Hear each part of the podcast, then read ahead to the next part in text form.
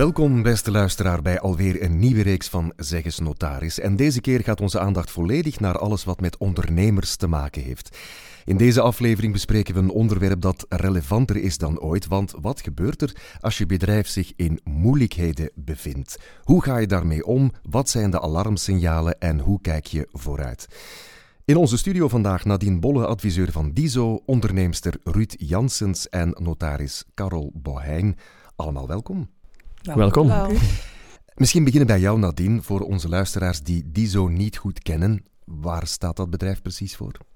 Wel, DISO staat voor Dynamiseren van zelfstandige ondernemers.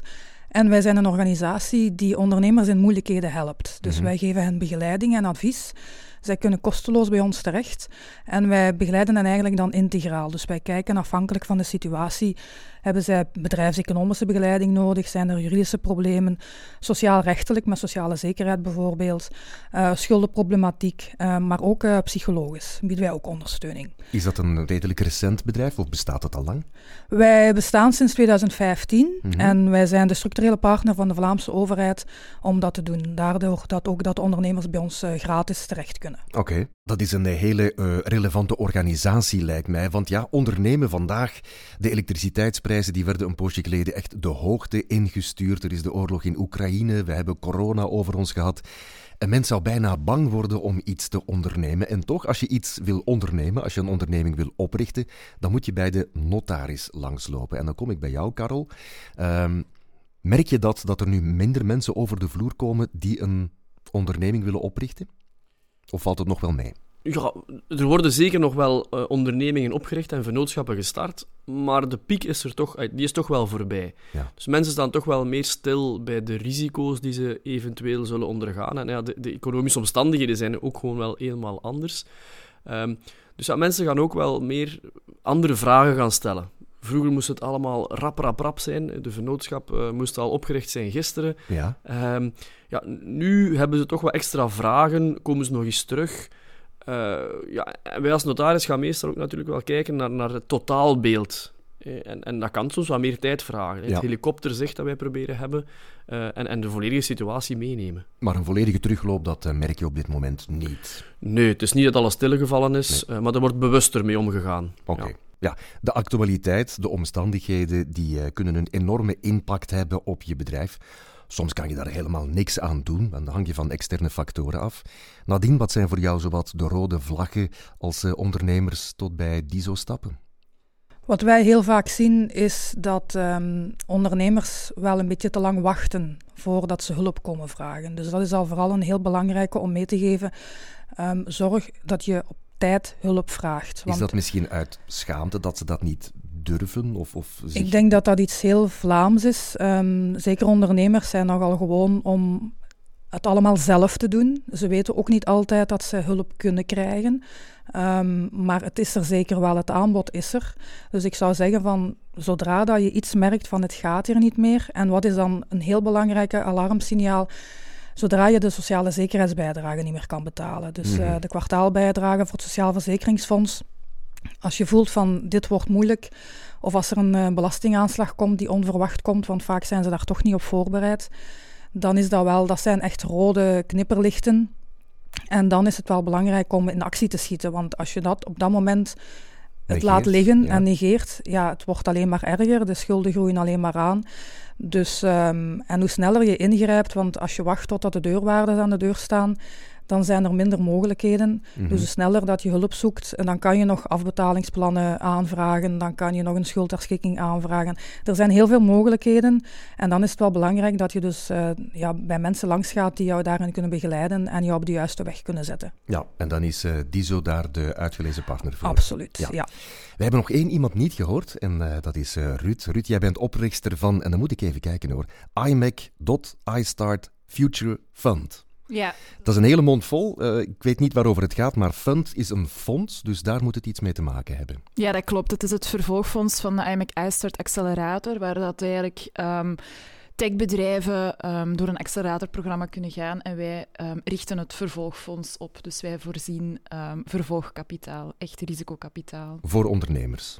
uh, voor technologieondernemers. Dus het is echt wel voor technologiebedrijven, vrij niche. Mm Het is niet jouw eerste bedrijf. Je hebt er daarvoor eentje gehad. En daarbij heb je eigenlijk het hele parcours afgelegd. Het hele parcours van vallen en opstaan. Jij bent failliet gegaan met mhm. die onderneming. Maar vandaag sta je hier met je nieuwe bedrijf, dus je, die faalangst die heeft jou niet te pakken gekregen. Uh, waarom besloot je om toch opnieuw te starten? Ja, ik heb uh, voor alle duidelijkheid een, ook zelf een typische tech-onderneming opgericht. Mhm. Die zijn, uh, zoals ik net ook al zei, um, heel vaak afhankelijk van risicokapitaal, zeker in die beginfase. Um, en dat maakt ze ook wel, um, ja, dat maakt ze eigenlijk meer risicovol ook om, om in faling te gaan of, of, of te stoppen. dus je, je ambieert eigenlijk een exponentiële groei en niet echt een organische groei, zoals in de, in, in de bedrijven die, die, iedereen, die iedereen kent. Ja. En ja, vermits dat wij afhankelijk waren van risicokapitaal en daar wel dat we een nood zagen aan, um, aan, aan het aanbieden van risicokapitaal in de, in de Belgische markt, um, kwam de vraag om mee te stappen in, in dat fondsinitiatief. Mm en, um, en heb ik dat ook gedaan. Ja. en ik doe dat nu ook met, samen met IMEC iStart, accelerator waar ik zelf als founder ben, uh, ben doorgegaan. En mijn partner is eigenlijk een uh, investment manager uh, die ik heb leren kennen als investment manager van mijn techbedrijf um, in der tijd. Dus hij werkte toen voor een fonds dat had geïnvesteerd in ons bedrijf. Dus um, ja, die contacten die zijn altijd heel warm en aangenaam gebleven. Dus voilà. Mm En dan heb je maar meteen een doorstart gemaakt, zeg ja, maar. klopt. We hebben het al een paar keer gezegd, het is ook duidelijk, denk ik, ondernemen zonder risico bestaat eigenlijk niet. Hè. Het komt erop aan om die risico's zo klein mogelijk te houden. Ik heb nu toch al wel de gelegenheid gehad om tijdens verschillende podcasts uh, voor uh, notaris.be met verschillende notarissen te spreken. En wat opvalt is dat de notaris altijd een soort van beschermende rol op zich neemt. Dat kan ook voor ondernemers, denk ik. Kijk naar jou, Karel. Absoluut. Ja, we, zijn gewoon om altijd... ja, naar de volledige, ja, het volledige uh, de situatie te kijken van, van de persoon die bij ons zit. Hè. Ja. En niet enkel naar, naar wat ze concreet komen doen, maar dus ja, het helikopter zegt, mm -hmm. uh, een persoon staat niet op zich alleen. Hè. Die heeft kinderen, heeft een partner, heeft een woning eventueel. En daarom proberen we toch wel echt onze tijd ervoor te nemen om ja, die volledig uh, mee te nemen. Ja. Ik denk daarbij aan de akte van onbeslagbaarheid van de gezinswoning. Mm -hmm. Een niet zo gekende akte, maar die toch wel een serieuze ja, bescherming en geruststelling kan bieden aan een ondernemer. Want die zorgt ervoor dat als er financiële problemen zijn, dat de gezinswoning dat die alleszins niet verloren gaat. En dat is niet onbelangrijk, hè? Dat is zeer belangrijk. Uh, ook om de familie vooral gerust te stellen, Ja. dat de ondernemer ook kan ondernemen. Mhm. Dat de partner er ook achter staat. En uh, een ander aspect is dan uh, die partner. Dus als je daarmee gehuwd bent, ja, dan heb je gemeenschappelijke inkomsten. Ja. Dan zijn ook de verantwoordelijkheden gemeenschappelijk. Dus daar kan een huwelijkscontract ook wel uh, een enorm verschil maken. Ik dacht altijd dat een huwelijkscontract iets was om uh, gescheiden te houden, maar in dit geval kan het elkaar beschermen. Zeker en vast. Je kunt eigenlijk door je financiën apart te houden, ja. en dat klinkt niet zo romantisch, nee. maar eigenlijk kan het resultaat veel romantischer zijn, namelijk ja, ja, dat je de inkomsten van de partner beschermt van de risico's die je zelf als ondernemer neemt. Mm -hmm. En als het dan fout gaat, dan kan tenminste uw partner gevrijwaard blijven en ook het gezin verder blijven ondersteunen, zodat de partner die ja, um, dan de moeilijkheden heeft gehad, ook weer een doorstart kan nemen. Oké, ja, dat is heel belangrijk en goed om weten. Nu, heel veel mensen ondernemen als uh, eenmanszaak, want ze vinden dat uh, minder gedoe dan het uh, oprichten van een vennootschap. Maar hoe weet je nu eigenlijk op een bepaald moment dat je misschien toch beter de stap zet naar zo'n vennootschap en niet in die eenmanszaak blijft hangen? Um, ja, zijn daar signalen voor of zo? Of, of is daar een bepaalde ja, structuur in te trekken? Ik denk dat er een aantal triggers kunnen zijn om te denken aan een vennootschap. Eerst en vooral, uh, heel belangrijk, ja, via de accountant. Als de accountant adviseert om die richting in te gaan, heeft soms natuurlijk uh, fiscale redenen, maar soms ook wel financiële redenen. Um, ja, dan moeten we daar zeker rekening mee houden. Anderzijds, ja, vanaf dat je met meerdere mensen samenwerkt in een onderneming en niet meer op jezelf staat, ja, dan kun je eigenlijk niet anders dan aan een vennootschapsstructuur te gaan werken om ook juiste afspraken te maken daar. Mhm. Mm -hmm. Want als de afspraken tussen de, de ondernemers, tussen de, de aandeelhouders, zal ik maar zeggen, als die niet juist zijn uitgeschreven en niet duidelijk zijn, ja, dan kan een vennootschap, een onderneming, daar ook serieus onder lijden. Ja. Een faillissement heeft ook vaak te maken met de mensen die erachter zitten, die ja, niet meer op dezelfde lijn zitten. Mhm. Ehm, dus die statuten van zo'n vennootschap zijn ook heel belangrijk. Ehm, en voilà, heel vaak is er een, een, een samenwerking tussen de accountant en de notaris dan om tot eh, ja, de beste oplossing te komen voor die ondernemer. Maar is er een verschil met bijvoorbeeld eh, failliet gaan, met een vennootschap of met een eh, eenmanszaak? Absoluut, absoluut. Dus Wat, eigenlijk, is het, wat is het minst slechte? Ja, met een vennootschap zal ik maar zeggen. Mhm. Eh, natuurlijk, als, alles, als je ook je, job als ondernemer goed hebt gedaan. hè. Als je natuurlijk eh, frauduleuze zaken hebt gedaan, ja, gaat je ook niet kunnen beschermen achter een vennootschap. Maar als het gewoon door economische omstandigheden is, ja, dan gaat je vennootschap failliet, maar dan gaat de privé wel uw vermogen kunnen behouden. Ja. Ehm, nu, als bestuurder kunt je ook aansprakelijk gesteld worden door ja, niet de juiste handelingen gesteld te hebben of, of te veel risico of, of eh, dergelijke zaken. Ja, vandaar is het ook wel belangrijk ja, dat je dan ook je privévermogen daar ook wel voor beschermt, de Mhm. nodige verzekeringen neemt eventueel, ook weer die akte van onbeslagbaarheid van de gezinswoning, ook weer dat huwelijkscontract om toch je ja, privésituatie een beetje af te schermen. Ja, Ja, ik wil daar eh, graag even op inpikken, Ja, want ehm, het is niet enkel een vennootschap of een eenmanszaak. Het gaat ook over de juiste vennootschapsvorm. Want er zijn ook vennootschappen waar dat er geen afscheiding is tussen de vennootschap en het privévermogen. Mhm. Er zijn er wel die wel doen. Hè. Dus een BV of een NV is er wel een beperkte aansprakelijkheid. Maar zelfs met een vennootschap is het ook wel belangrijk dat de ondernemer op dat moment die muur die er staat tussen zijn bedrijf en zijn privévermogen, dat hij die zelf niet gaat afbreken. Wij Ja. zien dat regelmatig, dat mensen bijvoorbeeld de bankkaart gebruiken om naar de koolruit te gaan, om wekelijke boodschappen te doen. Dan zijn ze eigenlijk schulden aan het opbouwen aan de vennootschap. Als het dan fout loopt, gaan ze die wel eens moeten terugbetalen. Mhm. Een ander ding dat wij veel zien is als kredieten worden aangegaan door het bedrijf, dan vraagt de bank waarborgen om dat krediet te kunnen dekken. Wat gebeurt er dan vaak? Dan tekenen ze persoonlijk borg voor dat krediet. Ja. Als dan de vennootschap failliet gaat, dan zal de bank op dat moment die borg gaan aanspreken om dat krediet verder af te betalen. Dus dan is hun privévermogen toch niet beschermd door dat faillissement. En wat wij inderdaad vaak zien, bij als, in zo'n gevallen kan dat gebeuren, dat niet alleen de vennootschap failliet gaat, maar dat soms dan ook nog de ondernemer persoonlijk dat faillissement toch nog dient aan te vragen, omdat hij dat niet kan dragen persoonlijk. En als er dan een privéwoning is in eigendom, en er is geen akte van onbeslagbaarheid, want dat is inderdaad een hele belangrijke, maar jammer genoeg veel te weinig gekend bij ondernemers. Ook voor een deel omdat de bank dat nooit zal promoten. ja.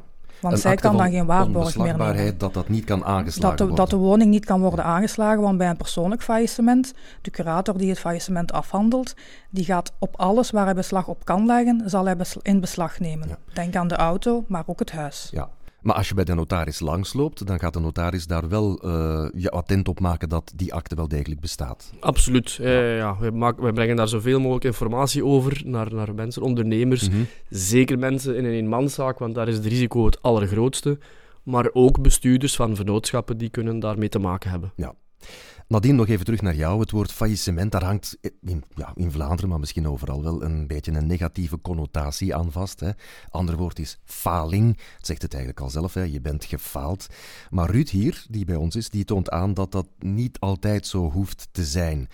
Zo'n faillissementsprocedure is zeer ingrijpend en soms kan het nodig zijn om te herstarten. Klopt dat? Dat klopt absoluut. Ehm, als het kalf verdronken is, ik zal het zo zeggen, Ja. dan kan je het niet meer redden. En dan kan een faillissement wel een uitweg zijn om een nieuwe verse start te nemen. En dat is ook de bedoeling geweest van de wetgever met de huidige faillissementsregelgeving, dat ondernemers die het gewaagd hebben, die risico genomen hebben en het is om een of andere reden niet gelukt, hè, Ja, door want Voor alle omstandigheden. duidelijkheid, je kan daar zelf niet altijd. Je kan daar doen, niet hè. altijd aan doen. Ehm, en het is risico nemen en niet alles wat je onderneemt lukt. Maar niet alles wat mislukt is een falen. Mhm. Alles is een leerervaring. Ja. Dus het kan zeer leerrijk zijn. Als je een faling achter de rug hebt, dan weet je al van dat zijn fouten die ik gemaakt heb, die ga ik niet meer doen. En dankzij de regelgeving nu kan je dan ook een verse start nemen. Bijvoorbeeld iemand die een faling gaat, alle inkomsten die hij verdient vanaf de dag na de opening van het faillissement, die mag hij zelf terug blijven beheren. Vroeger mhm. was dat anders. Hè, dan bleef dat faillissement openstaan, zodat daar eventueel, als er een erfenis zou komen, dat de curator daar toch nog beslag op zou kunnen leggen. Dat is voorbij. Alle inkomsten vanaf het moment van faling zijn opnieuw in eigen beheer. Ook helemaal anders dan bijvoorbeeld met een collectieve schuldenregeling, waar dat je vijf tot zeven jaar een schuldbemiddelaar hebt die hè, mhm. jouw inkomen beheert en jou een soort leefloon geeft. Dus dat heeft wel nog, je, je zelfstandigheid blijft op dat moment gevrijwaard. Ja. En ook heel belangrijk is die kwijtschelding. Mhm. Als je persoonlijk failliet gaat, dan kan je de kwijtschelding vragen, zodat als het faillissement afgerond is, de schulden die niet konden worden betaald, die, worden, die zijn kwijtgescholden, waardoor dat je echt opnieuw kan beginnen. En het goede daaraan is dat uh, er is een wetswijziging op komst.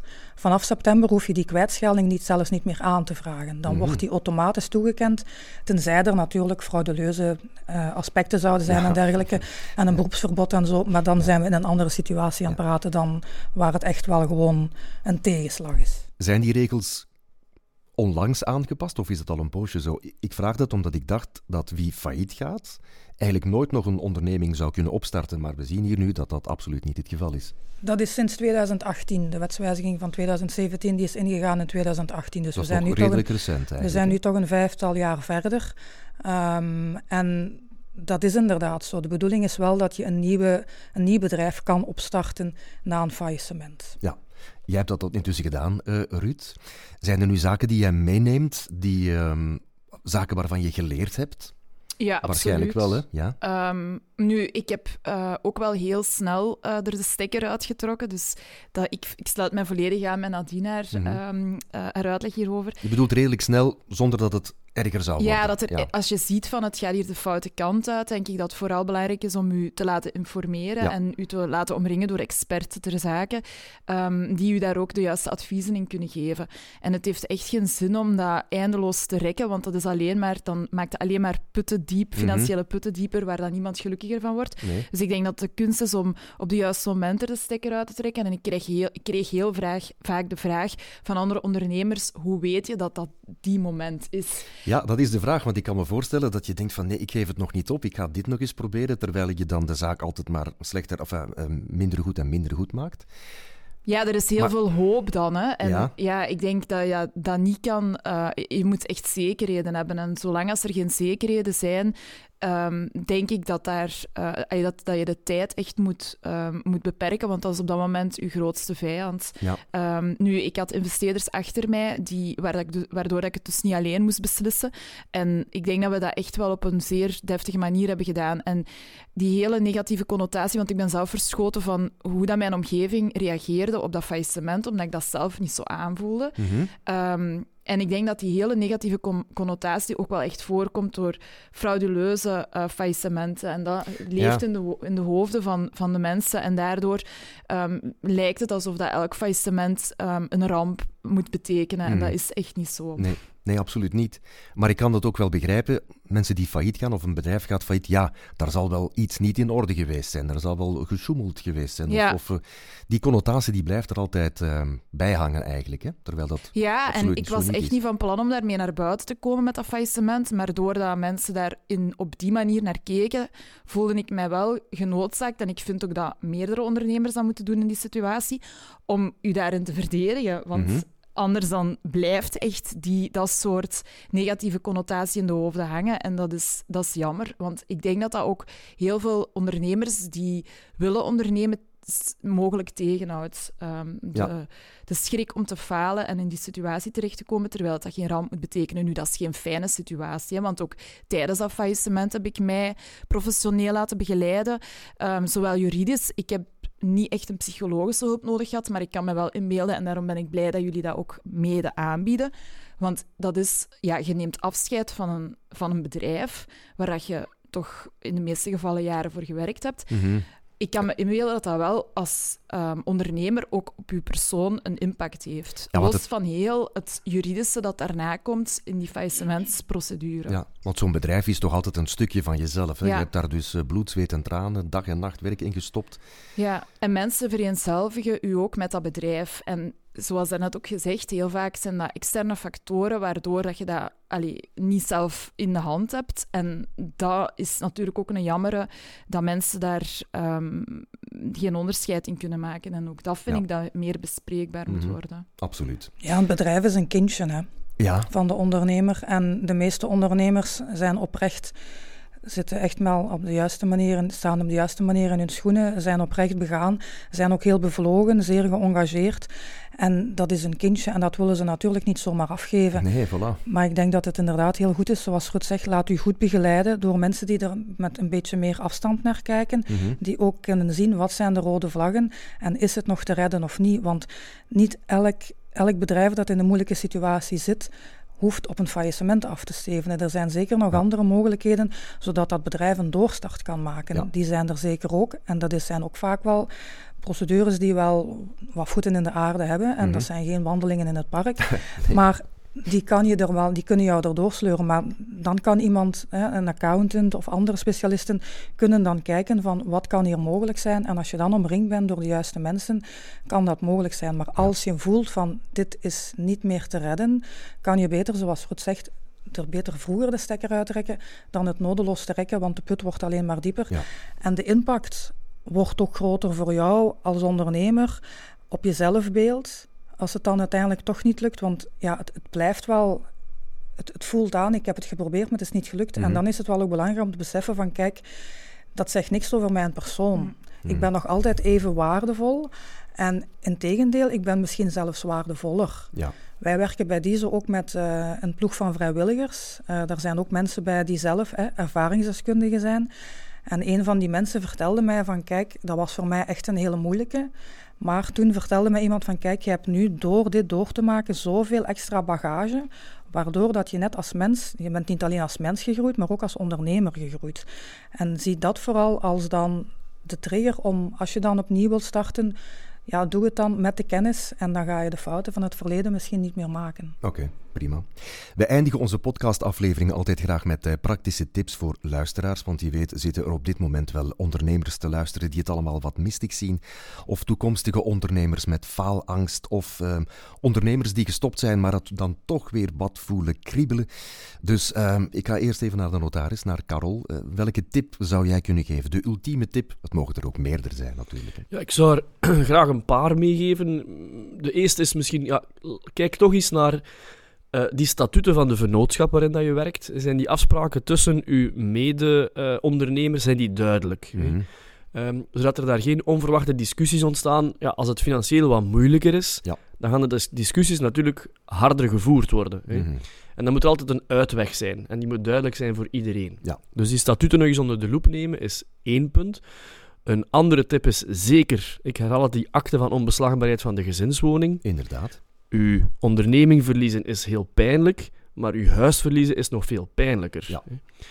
Ehm, een derde aspect is dan ook, ja, zeker als je een familie hebt, als je gehuwd bent, kijk naar de situatie van uw partner, dat huwelijkscontract uh, goed bekijken. Ehm, zodat uw familie daar zo weinig mogelijk impact van heeft. En mhm. zodat je ook eigenlijk gesteund bent door uw partner als het moeilijk is, omdat hij ook gerustgesteld is. Als het niet, als het niet lukt, uh, ja, dan ben ik op zijn minst ja. gevrijwaard en mm. kan ik misschien mijn partner gaan steunen ja. in die moeilijke tijd. Ja, absoluut. Zeer belangrijk. Nadine, wat zijn jouw ultieme tips? Wel, ik zou er ook twee willen geven. Eén is um, vraag hulp en vraag het op tijd. Ja. Laat je omringen. Hè. Een boekhouder kost geld, maar adviseurs zijn hun geld echt wel waard. En een tweede tip is: um, werk niet alleen heel hard in je bedrijf, maar werk ook aan je bedrijf. Hou dat altijd in het achterhoofd dat je moet weten: wat is mijn bedrijf aan het doen? Wat is er aan het gebeuren? Hoe zien de boeken eruit? Wat zijn mogelijkheden? Moet ik een vennootschap? Is een eenmanszaak beter? Moet ik dingen aanpassen? Wees op de hoogte van alle contracten dat je afsluit. Als je borg uh, stelt voor een krediet, weet dat dan ook. Niet dat je zomaar iets ondertekent. Dus werk ook aan dat bedrijf samen met mensen die je vertrouwt. Zonder dat je daar blindelings op vertrouwt, want mm -hmm. blindelingsvertrouwen is ook niet goed. Maar doe het in overleg. Ja. Goed, en dan uh, Ruud, jij bent er geweest. Jij weet hoe het voelt om opnieuw te starten na een afgebroken verhaal. Ja. Uh, welke boodschap wil jij nog meegeven? Ja, ik vul dan even aan met, uh, want ik sta daar volledig achter, achter die tips, maar ik vul dan even aan met meer persoonlijke tips. Ik denk, als je in die situatie zit, dat je echt pro moet proberen om rationeel te bekijken en niet emotioneel, want dat ja. zie ik ook heel vaak, hoe moeilijk dat, dat ook is, want mensen zijn er emotioneel over, maar dat Tuurlijk. maakt dat je soms dingen mist of, of, of in een soort van hol kruipt, terwijl dat dan niet de beste strategie is op dat moment. Nee. Um, en ik denk ook dat je dan je, je privé-netwerk gewoon, dat je daar moet energie in investeren als, invest als uh, ondernemer, want heel vaak wordt dat ook um, vergeten of, of bij het gebrek aan tijd, maar als je in moeilijke situaties zit, is dat wel waar je op kan terugvallen. Ja. Ik denk dat dat ook heel belangrijk is als ondernemer, dat daar um, de nodige aandacht aan besteed wordt aan, Mhm. dat privé, uh, aan die privé-werkbalans. Ja. Inderdaad. We onthouden sowieso dat je altijd kan langslopen bij je notaris. Die staat je sowieso met raad en daad bij. En je kan ook je licht opsteken bij de mensen van DISO. Die zullen jou dan ook wel ongetwijfeld verder helpen in die moeilijke problematiek. Goed, het was een plezier om jullie erbij te hebben. Bedankt voor het delen van jullie ervaringen en gouden tips natuurlijk. En luisteraar, bedankt om er ook weer nu weer bij te zijn. Ik zou zeggen op naar een volgende aflevering. Tot binnenkort.